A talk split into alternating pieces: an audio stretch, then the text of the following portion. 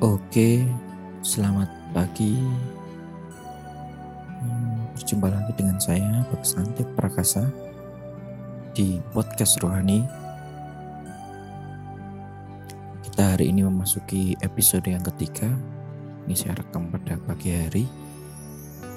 Eh, Hari Selasa, tanggal 5 Maret 2019. Pagi ini mau saya, saya mau sharing apa yang saya dapatkan di renungan harian yang saya baca pada pagi hari ini dan saya dapatkan beberapa pesan. Eh, ada begitu banyak ya ternyata Tuhan mengingatkan saya pada pagi hari ini dan saya mau coba sharing pada teman-teman semua.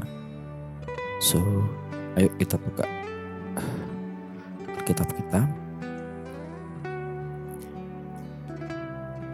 Untuk yang pertama, mungkin sekedar intermezzo bahwa untuk untuk bacaan renungan harian saya juga pakai panduan renungan harian itu saya dapat dari Our Daily, Daily Bread, All Daily Bread, ODB. Itu saya dapat kiriman setiap tiga bulan sekali. Mungkin teman-teman yang juga mau dapat kiriman buku teman rohani ini bisa klik di websitenya ODB terus nanti daftar-daftar ngisi-ngisi formulir terus di approve nanti ada email balasan udah nanti kalian bakal dikirim uh, renungan harian elektronik dan juga ada buku fisiknya selama tiga bulan sekali dan itu semua tidak dipungut biaya. Jadi kalau yang masih bingung cari buku renungan, opsinya bisa dicoba. Oke, sekarang kita mau uh, sebenarnya bacaan hari ini itu diambil dari kisah para rasul 1 ayat 15 sampai 26 yang bercerita tentang proses pemilihan Matias sebagai murid yang menggantikan Yudas Iskariot yang telah berkhianat dan telah meninggal di suatu tempat. Tempat yang sangat terkenal namanya itu adalah Akaldama atau tanah darah. Tapi yang cukup unik entah kenapa saya malah tiba-tiba tadi tadi setelah berdoa malah membacanya bukan kisah para rasul tapi Markus 9 ayat 30 sampai 50 ya. Mungkin ada sesuatu pesan yang ingin disampaikan di perikop ini dan ternyata memang betul. Di karena itu saya mau mulai pembahasan ini dari dari kitab Markus 9 ayat 30 sampai 50 baru dilanjutkan pada kisah para rasul tadi di Markus 9 ayat 30 sampai 50 itu ada beberapa perikop utama. Saya uh, mungkin teman-teman nanti bisa baca, bisa renungkan bersama-sama. Ada beberapa perikop. Cuma di sini saya ketika membaca saya mendapatkan empat empat ayat yang menjadi rema. Uh, akan saya bacakan ayatnya ayat berapa saja. Itu adalah yang pertama ayat 35. Ini ayat yang sering sekali kita dengar bahwa ketika kita menjadi ingin menjadi yang utama, yang pertama menjadi pemimpin, kita harus menjadi pelayan terlebih dahulu. Barang siapa yang terbesar di antara kamu, haruslah menjadi pelayan. Terus di ayat yang ketiga tujuh, saya diingatkan lagi untuk ketika menghadap Tuhan, kita harus belajar seperti anak kecil, polos. Memiliki kepolosan, keju kejujuran hati, sehingga kita tidak tidak pencitraan lah ketika kita benar-benar menghadap Tuhan, kita mau berdoa, kita mau bersungguh-sungguh, ya kita kalau memang punya beban, punya dosa, punya pergumulan, kita katakan benar-benar pada Tuhan, jangan ditutup-tutupi karena percuma Tuhan itu tahu segala keburukan-keburukan kita.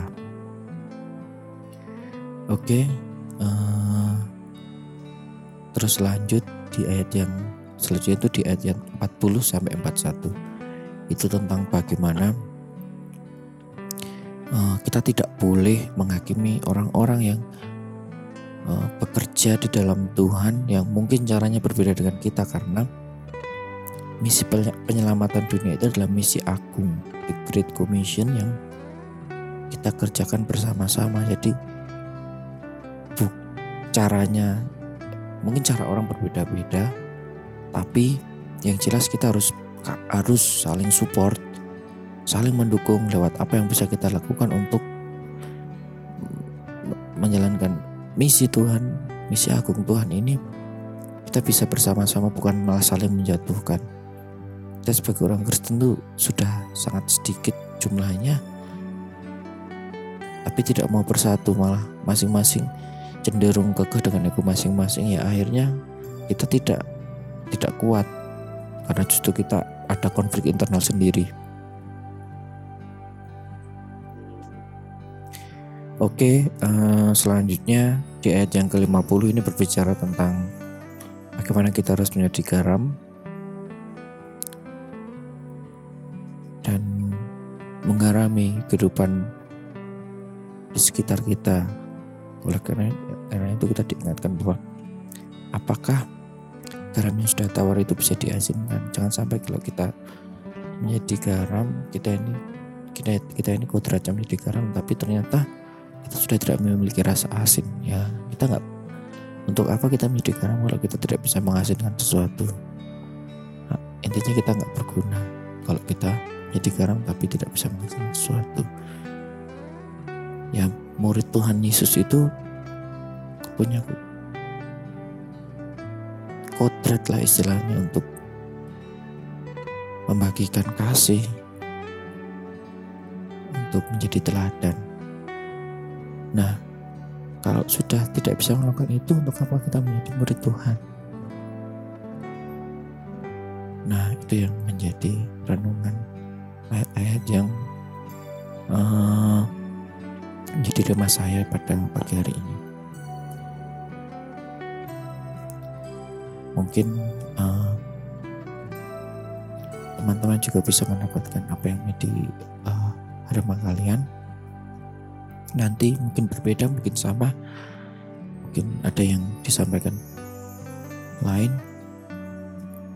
Setiap orang berbeda-beda ya tergantung apa yang sedang mereka hadapi sekarang. Oke lanjut. Kita masuk ke renungan kisah para rasul. Fir, uh, pesan yang didapatkan di sini cukup bagus ya di kisah para rasul ini yaitu ketika pemilihan Matias itu mungkin banyak orang yang tidak tahu bahwa Matias itu dipilih berdasarkan undi diundi antara Matias dan Yusuf namanya. Ada dua calon kandidat. Rasul yang menggantikan Yudas itu namanya adalah Matias dan Yunus. Nah, pemilihan mereka berdua ini bukan berdasarkan voting, bukan berdasarkan uh, musyawarah mufakat atau apa, tapi berdasarkan undi. Jadi, saya juga teringat kata-kata undi ini pernah disampaikan oleh seseorang bagaimana ketika dia terpilih melayani di suatu tempat, istilahnya dia menggunakan bahasa telah mendapatkan undi seperti itu. Oke, dan di perikop ini di, di renungan ini ternyata kita bukan mau membicarakan si Matias tapi ternyata membicarakan tentang Yusuf salah satu kandidat yang lain tadi. Nah, bagaimana ketika kita sudah pada tahap pemilihan akhir sebuah kegiatan, entah itu organisasi, entah itu pekerjaan, entah itu proyek, entah itu apa pun. Ketika waktu yang menentukan itu, kita tinggal berhadapan dengan satu orang, ternyata bukan kita yang terpilih, tapi orang lain. Nah, bagaimana respon kita setiap pribadi saat kita tidak terpilih dalam sebuah perkara yang sedang kita lakukan entah itu mendapat melamar pekerjaan atau sedang dalam tahap tertentu pengajuan beasiswa atau apa pun justru bukan kita yang terpilih tapi orang lain. Bagaimana respon kita? Seringkali sering kali yang kita dapatkan tuh kita kecewa ya. Otomatis itu yang pertama itu pasti adalah kita kecewa. Manusiawi. Kalau kita kecewa. Nah tapi apa respon yang benar yang harus kita kita ambil ketika kita tidak terpilih dan kita merasa kecewa. Nah, di kisah para rasul ini unik ketika kata Yusuf Yusuf sebagai calonnya calon rasul itu hanya disebutkan sekali waktu itu. Terus ketika Matias terpilih Yusuf tidak disebut, disebutkan lagi. Jadi kita tidak tahu apa yang menjadi respon Yusuf. Apakah dia marah ataupun dia menerima dan tetap melayani Tuhan kita nggak tahu. Nah, yang saya dapatkan di sini dan digabung dengan ayat dari Markus tadi, ternyata berkesinambungannya. Digabung dari bacaan Markus tadi ternyata ya ketika kita tidak terpilih oleh sesuatu, ketika kita kecewa, coba kita lihat untuk untuk mengobati kecewaan kita lah istilahnya Coba kita lihat bahwa pemilihan pada saat itu itu merupakan satu tahap stepping stone lah artinya. Stepping stone atau batu loncatan. Satu batu loncatan untuk melihat rencana Tuhan yang begitu jauh di depan. Siapa tahu titik itu adalah titik di mana kita memulai sesuatu yang sebenarnya adalah sudah masuk ke dalam rencana Tuhan. Sudah masuk dalam rencana Tuhan. Tapi kita hanya berfokus pada kegagalannya tanpa tahu bahwa kita tuh sedang sedang masuk ke rencana Tuhan. Oleh karena itu, kita harus uh, percaya dan fokus pada apa kehendak Tuhan dalam hidup kita supaya ketika ada kekecewaan, ada hal yang tidak sesuai, kita tidak merasa kecewa karena sebenarnya kita tahu rencana Tuhan itu adalah rencana yang terbaik. Ini berhubungan juga dengan podcast episode 2 kemarin ya tentang bagaimana kalau kita tersesat. Kita kita mengalami kegagalan. Ya,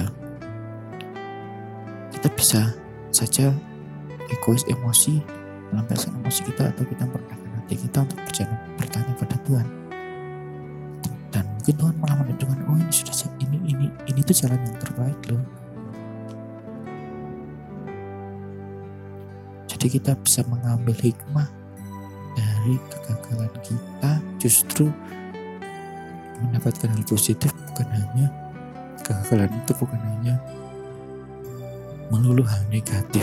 Lebih baik kalah dan gagal daripada kita menang tapi kita tidak mendapatkan suatu pelajaran.